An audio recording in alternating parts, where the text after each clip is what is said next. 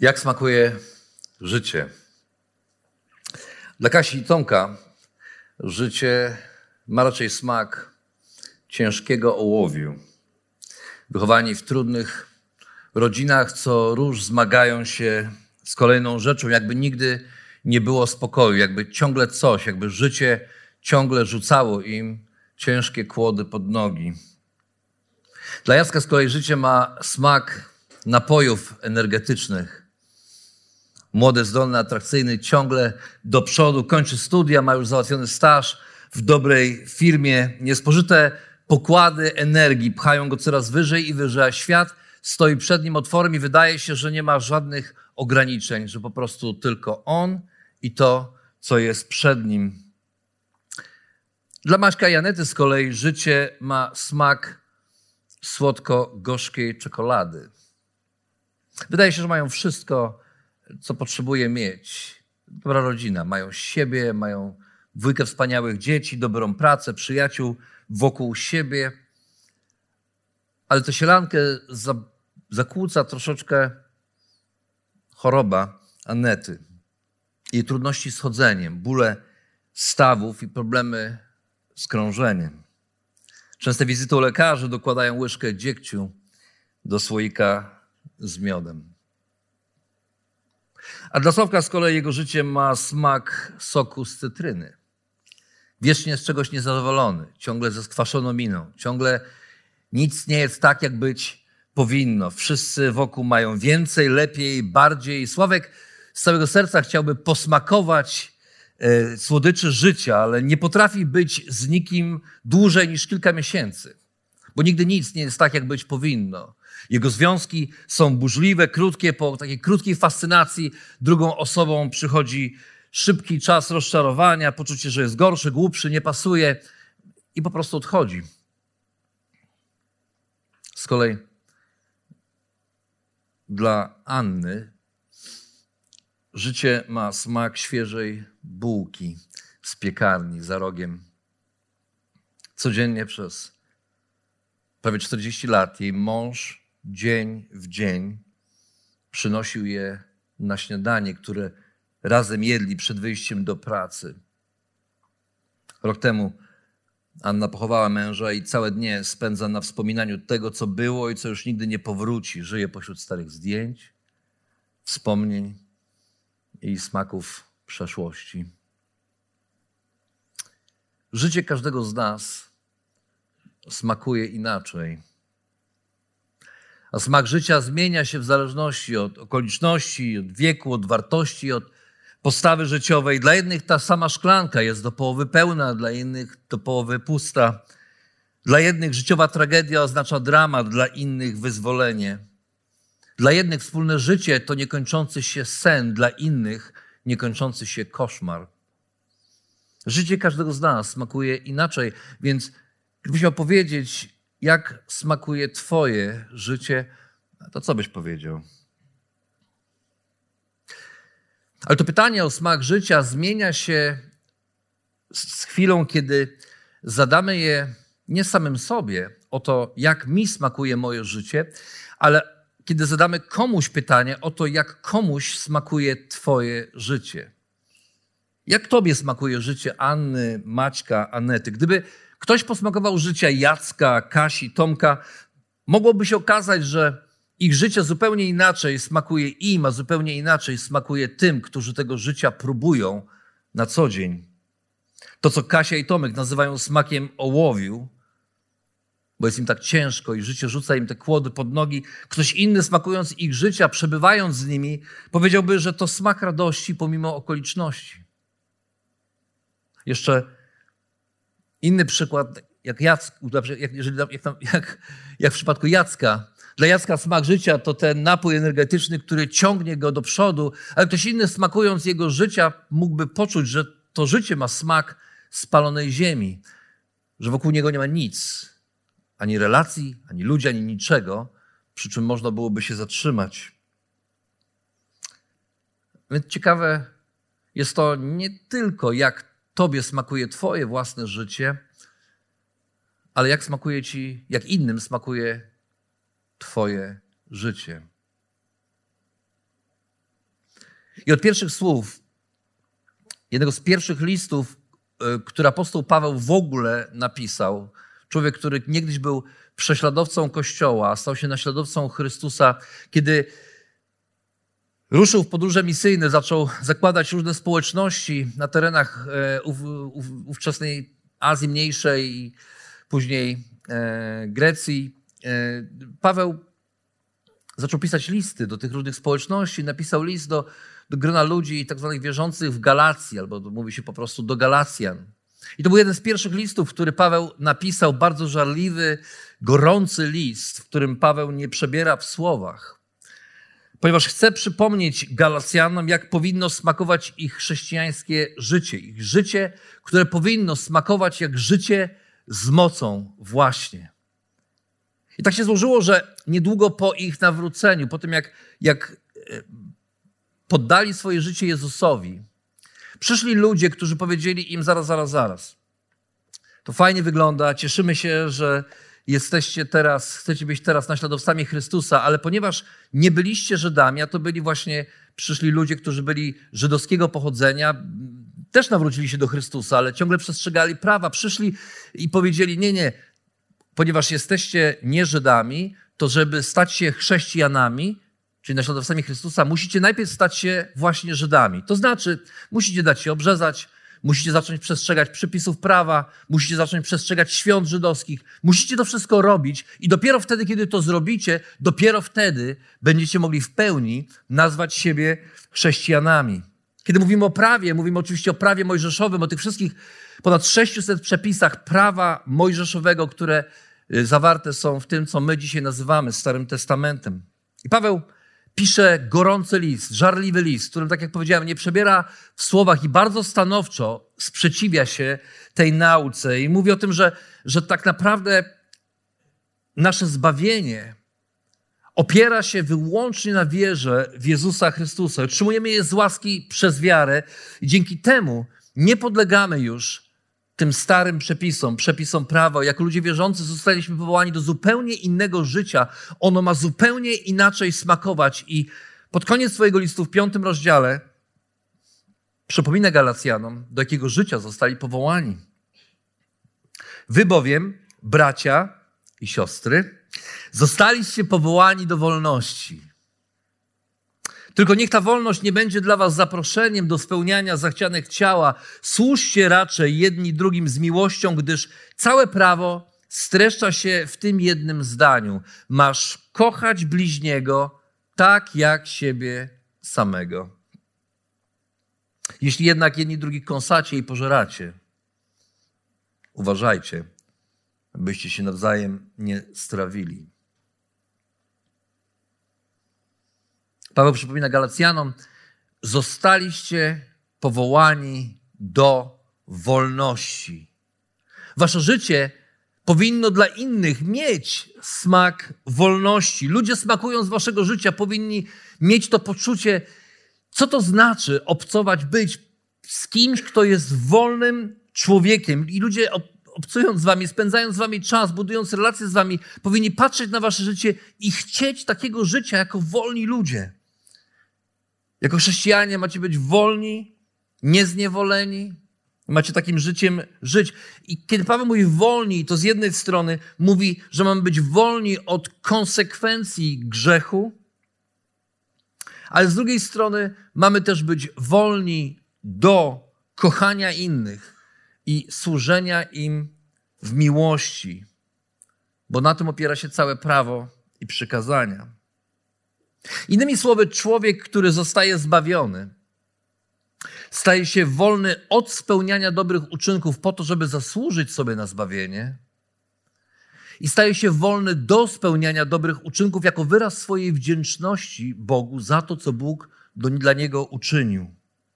I dlatego wyrazem tej prawdziwej wolności jest służenie innym w miłości, a nie spełnianie zachcianek własnego ja. I dlatego życie z mocą mówi Paweł, ma smak wolności, która wyraża się służeniem innym z miłością, a nie myśleniem o własnych przyjemnościach. I dalej w tym fragmencie Paweł wyjaśnia, co ma na myśli, mówiąc o życiu, które ma smak wolności. Podkreślam natomiast, żyjcie w duchu, a na pewno pokonacie rządzę ciała. Ciało bowiem pożąda przeciw duchowi, a duch przeciw ciału. Te pragnienia są ze sobą sprzeczne, tak by wam przeszkodzić w czynieniu tego, co chcecie. Jeśli jednak duch was prowadzi, nie podlegacie prawu. Wiadomo, co bierze się z ciała. Nierząd, nieczystość, rozpusta, oddawanie czci bożyszczom, wróżbiarstwo, wrogość, kłótliwość, zazdrość, porywczość, zaczepność, krnąbrność, brak troski o jedność, zawiść, chęć mordu, pijaństwo, rozpasanie i tym podobne.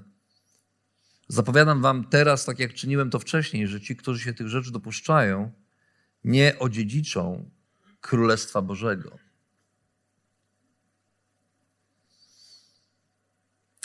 Paweł daje wyraźnie do zrozumienia, że człowiek sam z siebie nie jest zdolny do takiego życia.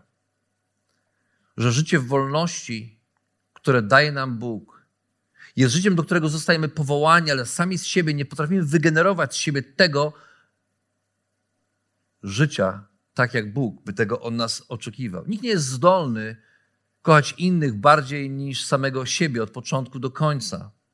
Nikt nie jest zdolny służyć innym w miłości wbrew swojemu ja od początku do końca. Prędzej czy później zawsze wkradnie się jakiś element ja, jakiś element egoizmu, jakiś element bycia czy zrobienia czegoś wyłącznie dla samego siebie. Jako grzeszni ludzie, chociaż uwolnieni od konsekwencji grzechu, ciągle mamy tendencję do tego, żeby skręcać w swoją stronę, żeby robić nie to, co powinniśmy, ale to, co nam wygodne.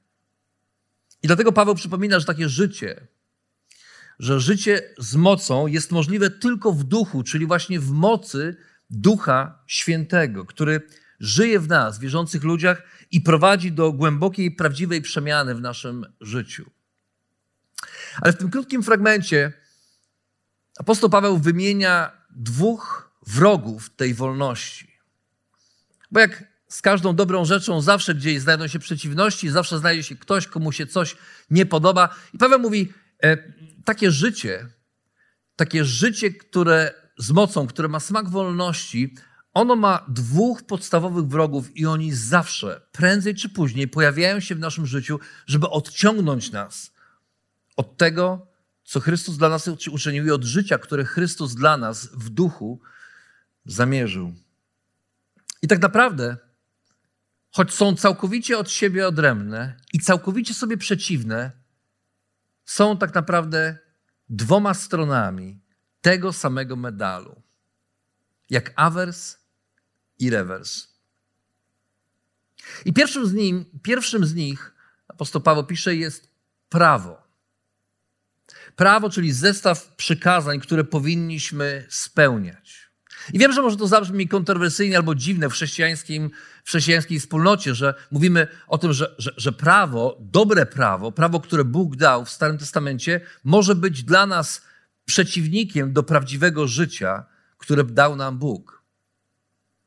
Ale pozwólcie, że bliżej przyjrzymy się temu, czym było prawo, a co ludzie zrobili z tym prawem. Istotą prawa, które Bóg nadał człowiekowi, było ukazanie Bożych standardów dla człowieka, tak aby oni mogli żyć świętym życiem. W każdym przepisie prawa, tym najbardziej zrozumiałym i tym najmniej zrozumiałym, w tym najdziwniejszym i, i w tym mniej dziwnym przepisie, które my dzisiaj czytamy, kryło się pragnienie Boga, aby pokazać człowiekowi, że on jest święty, a my nie.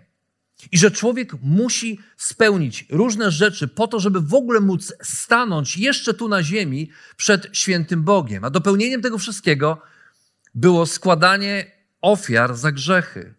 Ponieważ cokolwiek człowiek nie robił, prędzej czy później uchybiał przepisom prawa.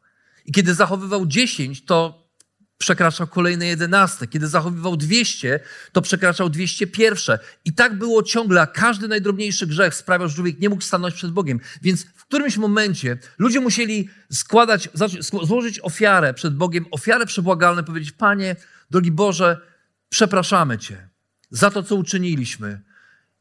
I teraz będziemy żyć nowym, świętym życiem, tak jak nam powiedziałeś, według Twojego prawa. A potem przychodził kolejny dzień i kolejny dzień. I okazywało się, że, że to się nie udawało. Nie wiem, czy to jest też wasze doświadczenie, ale pamiętam, kiedy jeszcze dawno, dawno temu e, chodziłem do kościoła rzymskokatolickiego, pamiętam moment doświadczenia po spowiedzi. I pamiętam, jak, jak, jak, jak wyspowiadałem się z tych wszystkich grzechów powiedziałem Bogu wszystko to, co zrobiłem niewłaściwego. I szedłem do domu, i cała moja droga to było takie uważanie na to, żeby czegoś głupiego nie zrobić, czegoś głupiego nie powiedzieć. I pierwszy wieczór jeszcze się pilnowałem, jeszcze uważałem na to, jak się odzywam do, do mamy, jak się zachowuję wśród kolegów, koleżanek, ale potem przychodziło podwórko. I ta nieszczęsna piłka nożna, przez którą tylu z nas już straciło głowę i myśli i rozum. I, i, I, ten mecz, jeden czy drugi, ten kolega, który wszedł za mocno w twoje piszczele i ten krzyk, który nie miał nic wspólnego ze świętym oburzeniem. I wydawało się, że cała, całe doświadczenie, całe to wyspowiadanie się, wyrzucenie, oddanie Bogu wszystkich grzechów po prostu na nic, bo znowu zaczynamy od nowa. I dokładnie o tym mówi apostoł Paweł, kiedy, kiedy mówi o, o prawie. I dlatego Chrystus musiał umrzeć raz na zawsze aby dać nam poczucie, nawet nie poczucie, umrzeć raz na zawsze po to, żebyśmy mogli wiedzieć, że On raz na zawsze zapłacił za nasze grzechy i nie musimy już składać kolejnych ofiar za grzechy i nie musimy już po raz kolejny przychodzić i myśleć sobie, jeżeli tylko nie uchybię w tym albo nie uchybię w tamtym, to wreszcie będę mógł stanąć przed Bogiem. Chrystus umiera za nasze grzechy i nie jest to tak, jak czytaliśmy, słyszeliśmy wcześniej, przyzwolenie do tego, aby żyć sobie jak chcemy, tylko Chrystus umiera raz na zawsze za nasze grzechy po to, żeby dać nam wolność od tego myślenia w kategoriach ciągłego zachowywania prawa, ciągłego myślenia o, o, o tym, jak powinniśmy, co powinniśmy zrobić, jak daleko jest za daleko, jak blisko jest odpowiednio blisko. I dlaczego Chrystus musiał umrzeć? Dlaczego prawo nie mogło nas zbawić? Dlatego, że prawo próbowało zbawić nas od zewnątrz, nakładając na nas przepisy i zadania, które mieliśmy wykonać. Chrystus przychodzi i to, co robi, zbawia nas od wewnątrz i daje nam przekonanie o tym, jak powinniśmy żyć. I tym, że zajmuje się nie zewnętrznymi przejawami naszego życia, bo to jest stosunkowo proste, ale tym, co wewnętrzne, a to już jest dużo trudniejsze. W każdej religii świata istnieją rytuały i zasady, które próbują naprawiać człowieka poprzez zestaw zasad, rytuałów i spraw do zrobienia. I można je spełniać przez całe życie i nigdy nie doświadczyć przemiany, bo w prawie, tak jak napisał apostoł Paweł, nie chodzi o wiarę, ale właśnie o przestrzeganie, o przestrzeganie przykazań. I dlatego Paweł mówi o tym, że kiedy Chrystus umierał, to wyzwolił nas z przekleństwa prawa, że, że, że prawo było naszym przewodnikiem do Chrystusa, ale samo w sobie nie mogło nas zbawić. A ci, którzy wracają do prawa i z prawa, czyli z przepisów, moralnych przepisów, dobrych rzeczy, czynią wzór zwycięskiego życia popełniają często bardzo poważny błąd. Stają się wrogami wolności w Chrystusie, ponieważ są ludźmi, którzy próbują naprawić to, co zepsute od zewnątrz, a tego się po prostu nie da zrobić. Tak jakbyśmy próbowali samochód z zepsutym silnikiem naprawić poprzez malowanie karoserii. Albo jakbyśmy próbowali dobrą, y, wyglądającą dobrze z zewnątrz potrawę, ale zepsutą w środku, włożyć do jeszcze piękniejszego, piękniejszego naczynia i powiedzieć: proszę, spróbujcie, smacznego. I dlatego Paweł tak ostro reaguje. Tego się po prostu nie da zrobić.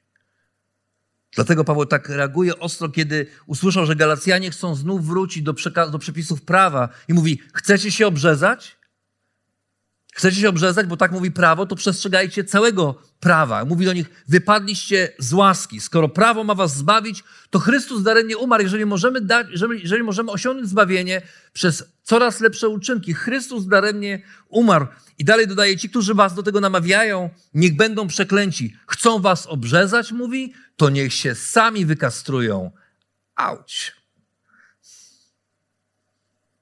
Paweł jest bardzo zdecydowany bo widzi, jak wielkim zagrożeniem dla chrześcijańskiego życia, dla chrześcijańskiej wolności, dla życia w mocy jest życie, które skupia się na powierzchownej moralności. Wszyscy znamy takich ludzi. Na zewnątrz wszystko w porządku, nie można im nic zarzucić, chodzą regularnie do kościoła, regularnie płacą podatki, przestrzegają przykazań, są bardzo moralnymi ludźmi. Jednego tylko im brak miłości. Ich życie smakuje jak stary suchar. Można się nim pożywić na chwilę, ale na dłuższą metę jest nie do zniesienia.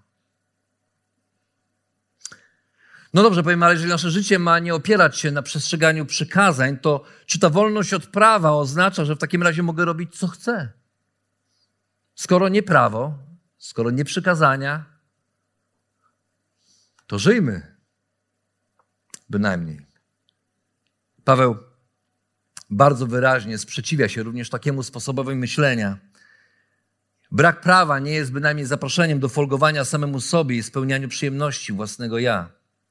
I właśnie tutaj Paweł wskazuje na drugiego wroga naszej wolności. Z jednej strony to moralizatorstwo, to spełnianie przepisów prawa, to życie odtąd dotąd, że tak i koniec. A z drugiej strony Paweł pisze o życiu według ciała. Pożądliwości, ale też coś więcej. Paweł mówi, to jest szukanie swojej przyjemności. Wszystkie rzeczy, które wymienia, to tak naprawdę szukanie swojej przyjemności kosztem drugiego człowieka, kosztem innych. To nasze ego. To, to właśnie z ciałem toczy największą walkę Duch Święty, który mieszka w nas, wierzących ludziach. To te wszystkie złe rzeczy, które widać, ale też te, których nie widać. Bo te, które widać, to jeszcze można załatwić prawem właśnie. Nie będziesz zabijał, nie będziesz kradł.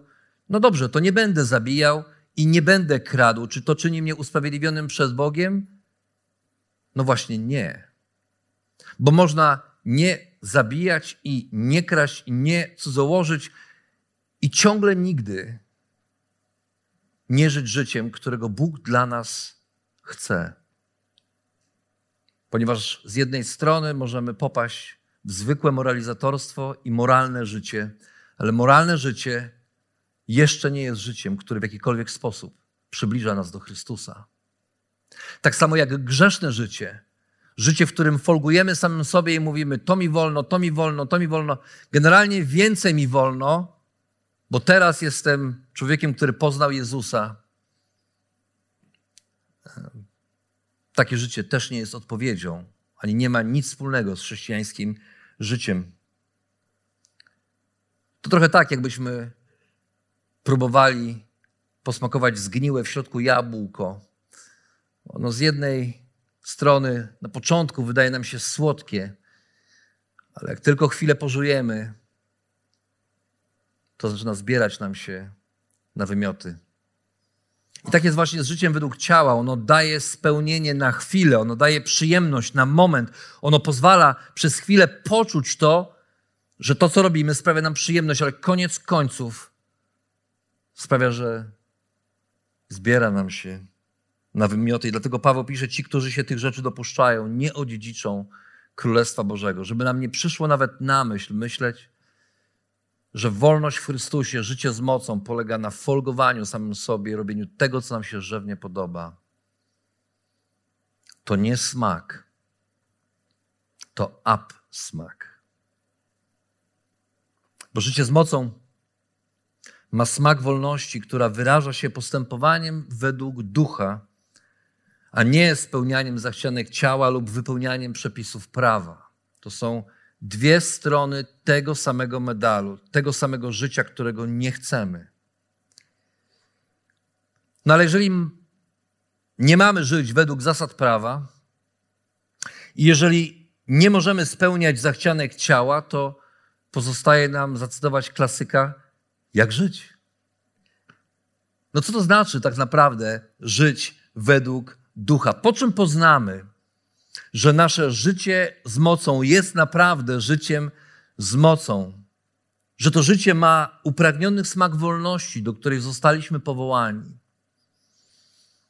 I apostoł Paweł podaje odpowiedź, która nie jest łatwa, jest prosta, ale nie jest łatwa. Dla wszystkich tych, którzy chcieliby mieć opisane, zakodowane, wylis, wyli, wy, wypisane w punktach to i to i to i to. Rzeczywiście pojawia, pojawia się lista, ale ona ma zupełnie inny charakter. Apostoł Paweł pisze, owocem zaś ducha jest miłość, radość, pokój, cierpliwość, uprzejmość, łagodność, powściągliwość. Przy takich cechach nie potrzeba prawa. A ci, którzy należą do Chrystusa Jezusa, ukrzyżowali ciało wraz z Jego namiętnościami oraz pragnieniami. Jeżeli żyjemy w duchu, w zgodzie z duchem też postępujmy. Nie bądźmy żądni próżnej chwały, nie drażnijmy w ten sposób jedni drugich, ani nie kierujmy się wzajemną zazdrością. Przychodzi taki moment w leczeniu serca, że dalsze leczenie z zewnątrz, rehabilitacja, lekarstwa, sanatorium, po prostu nie daje już rady. Potrzeba radykalnej zmiany, aby człowiek mógł zacząć żyć naprawdę, zmiany od wewnątrz. Czasami przychodzi taki moment, kiedy potrzeba nam wymiany całego serca. I nowe przeszczepione serce zaczyna tłoczyć nową, zdrową krew. Ciało zaczyna żyć na nowo, ale to ciekawe, ciało nie zawsze chce przyjąć to nowe serce. Więcej, w jakimkolwiek momencie rodzaju przeszczepu, ciało buntuje się przeciwko temu nowemu, zdrowemu, dającemu życie sercu czy szpikowi. I dlatego trzeba brać leki przeciwodrzutowe. Tak samo jest z nami. Bóg próbuje zaszczepić w tobie i we mnie nowe serce, nową naturę poprzez Ducha Świętego, ale nasze ciało się buntuje. I stąd musimy pielęgnować tę zmianę, nasz charakter, który Bóg nam dał. Bo chrześcijańskie życie to coś więcej niż moralność i coś zdecydowanie innego niż pobłażanie samemu sobie.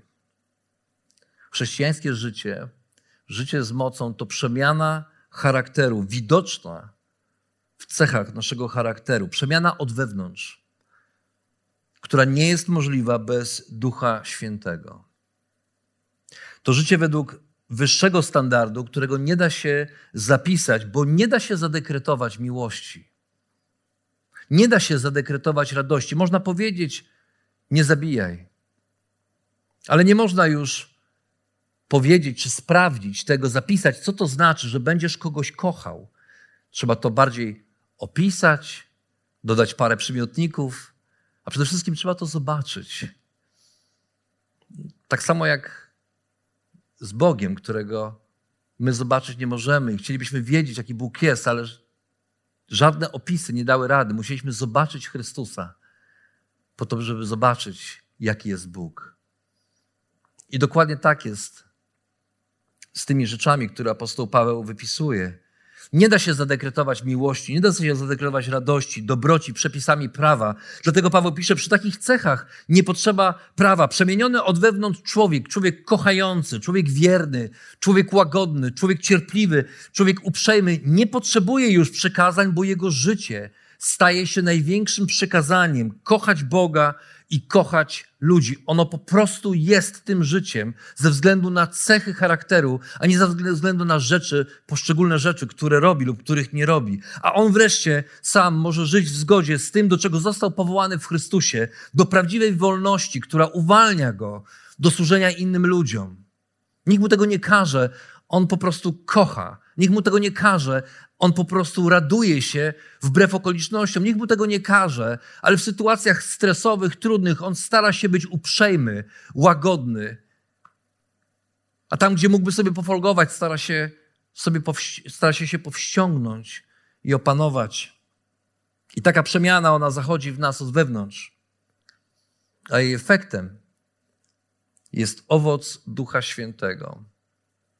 Nie owoce, ale owoc.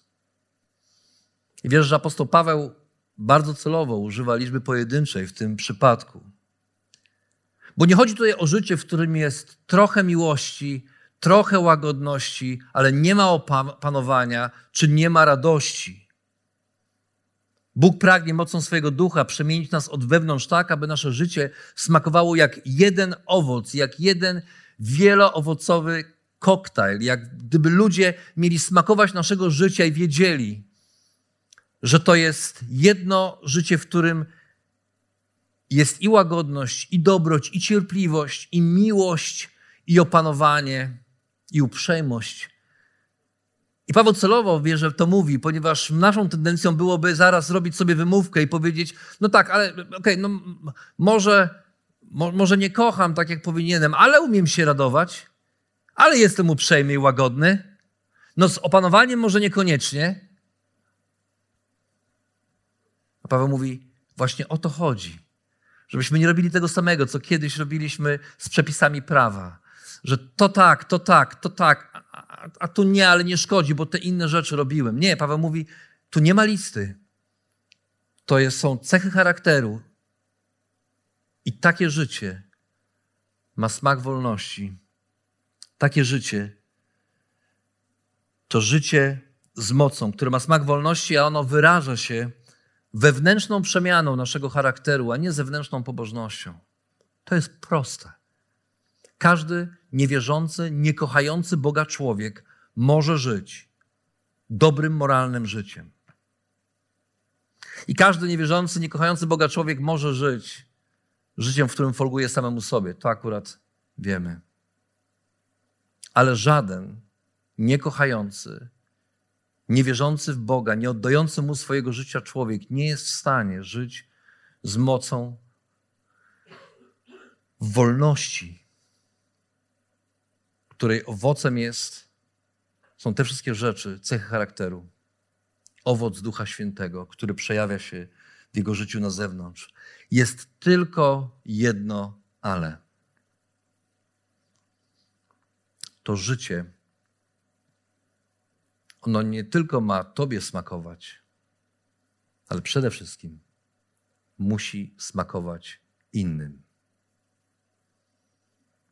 Drzewo, które wydaje owoc, nie smakuje swoich własnych owoców.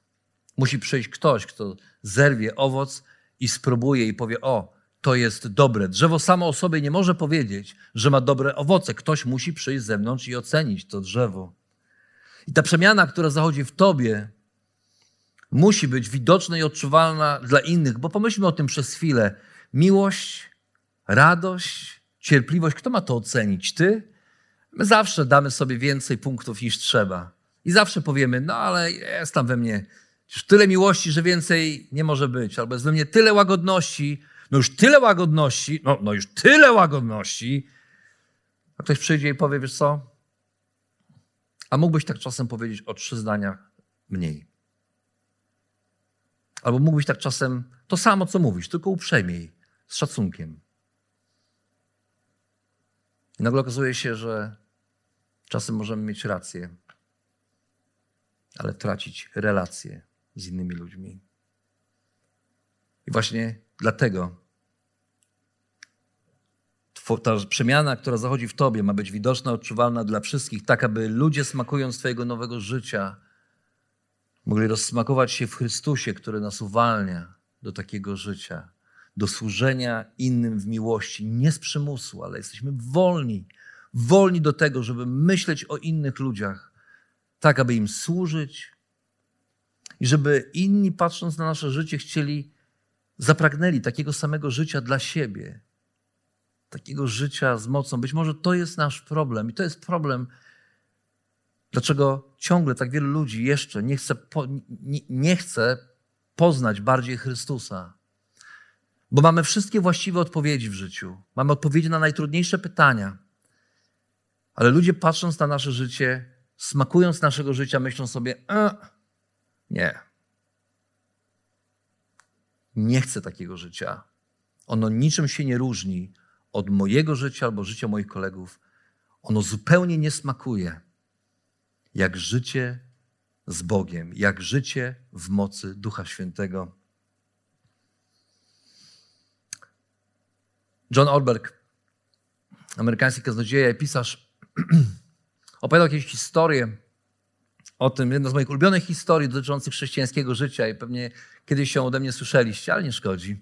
Opowiadał historię o tym, jak jechał autobusem na lotnisku pomiędzy terminalami autobus y, przewozi, na dużych, no, dużych terminalach autobus odwozi, przewozi pasażerów od jednego terminala do drugiego, a na końcu zawozi ich na miejsce, w którym jest wypożyczalnia samochodów.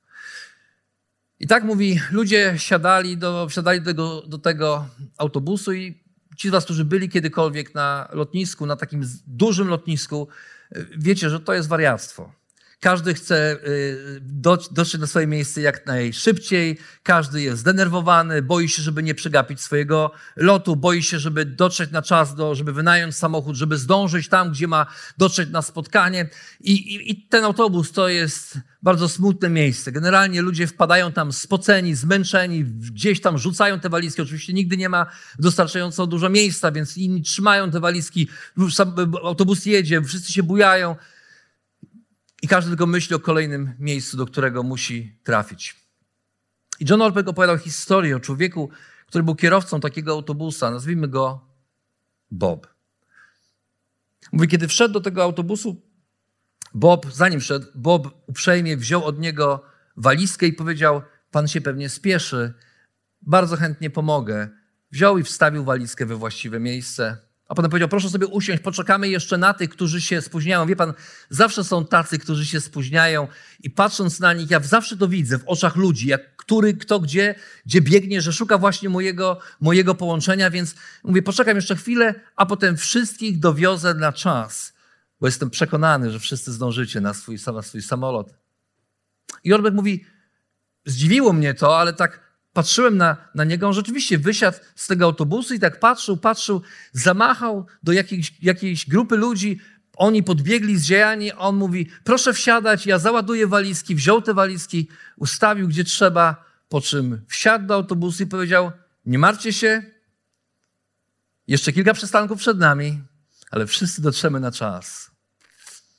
I potem podjechał do następnego przystanku i zrobił dokładnie to samo. Wysiadł z autobusu, pomógł wysiąść tym, którzy wysiadali, poczekał na innych, pomógł im wnieść walizki i nagle mówi John Orbeck, my wszyscy, którzy spieszyliśmy się gdzieś, nagle zapomnieliśmy o całym świecie. Cała podróż tym autobusem skupiła się na tym, żeby jechać i przyglądać się, co zrobi ten człowiek. Wszyscy mu zaczęliśmy kibicować. Zaczęliśmy kibicować jemu, zaczęliśmy kibicować tym ludziom, którzy y, dobiegali, którzy, którzy w ostatniej chwili wskakiwali do tego autobusu i wydawało się, że nic nie jest w stanie wyprowadzić go z równowagi. I nagle pod koniec tej podróży, pod koniec tej drogi, już nikt z nas nawet nie chciał wsiąść do tego samolotu. Chcieliśmy jeździć z Bobem. Chcieliśmy siedzieć w tym autobusie i przyglądać się temu, jak on swoją osobą wnosi radość i miłość, i uprzejmość, i łagodność, i pokój w życie kolejnych ludzi. Bo przebywanie z nim, mówi John, stało się po prostu zaraźliwe. Nie można było oderwać od niego wzroku, i cały autobus skupionych na sobie, zmęczonych, spoconych i zmęczonych podróżą ludzi, patrzył na Boba i każdy w tym autobusie, bogaty czy biedny, wykształcony czy niewykształcony, chciał być taki jak Bob.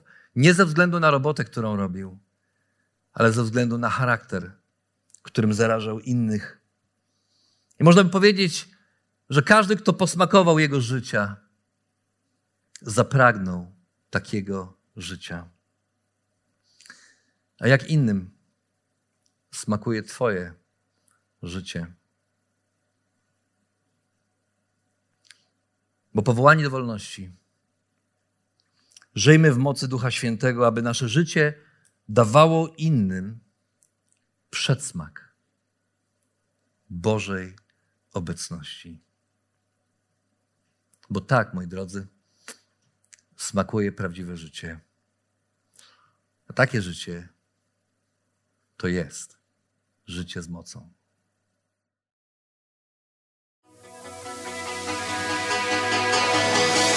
Jeszcze raz dziękujemy za wysłuchanie naszego rozważania. Jeżeli mieszkasz w okolicach Tomaszowa Mazowieckiego lub Łodzi, zapraszamy Cię do odwiedzenia nas na niedzielnym nabożeństwie. Więcej informacji znajdziesz na stronie schatomy.pl.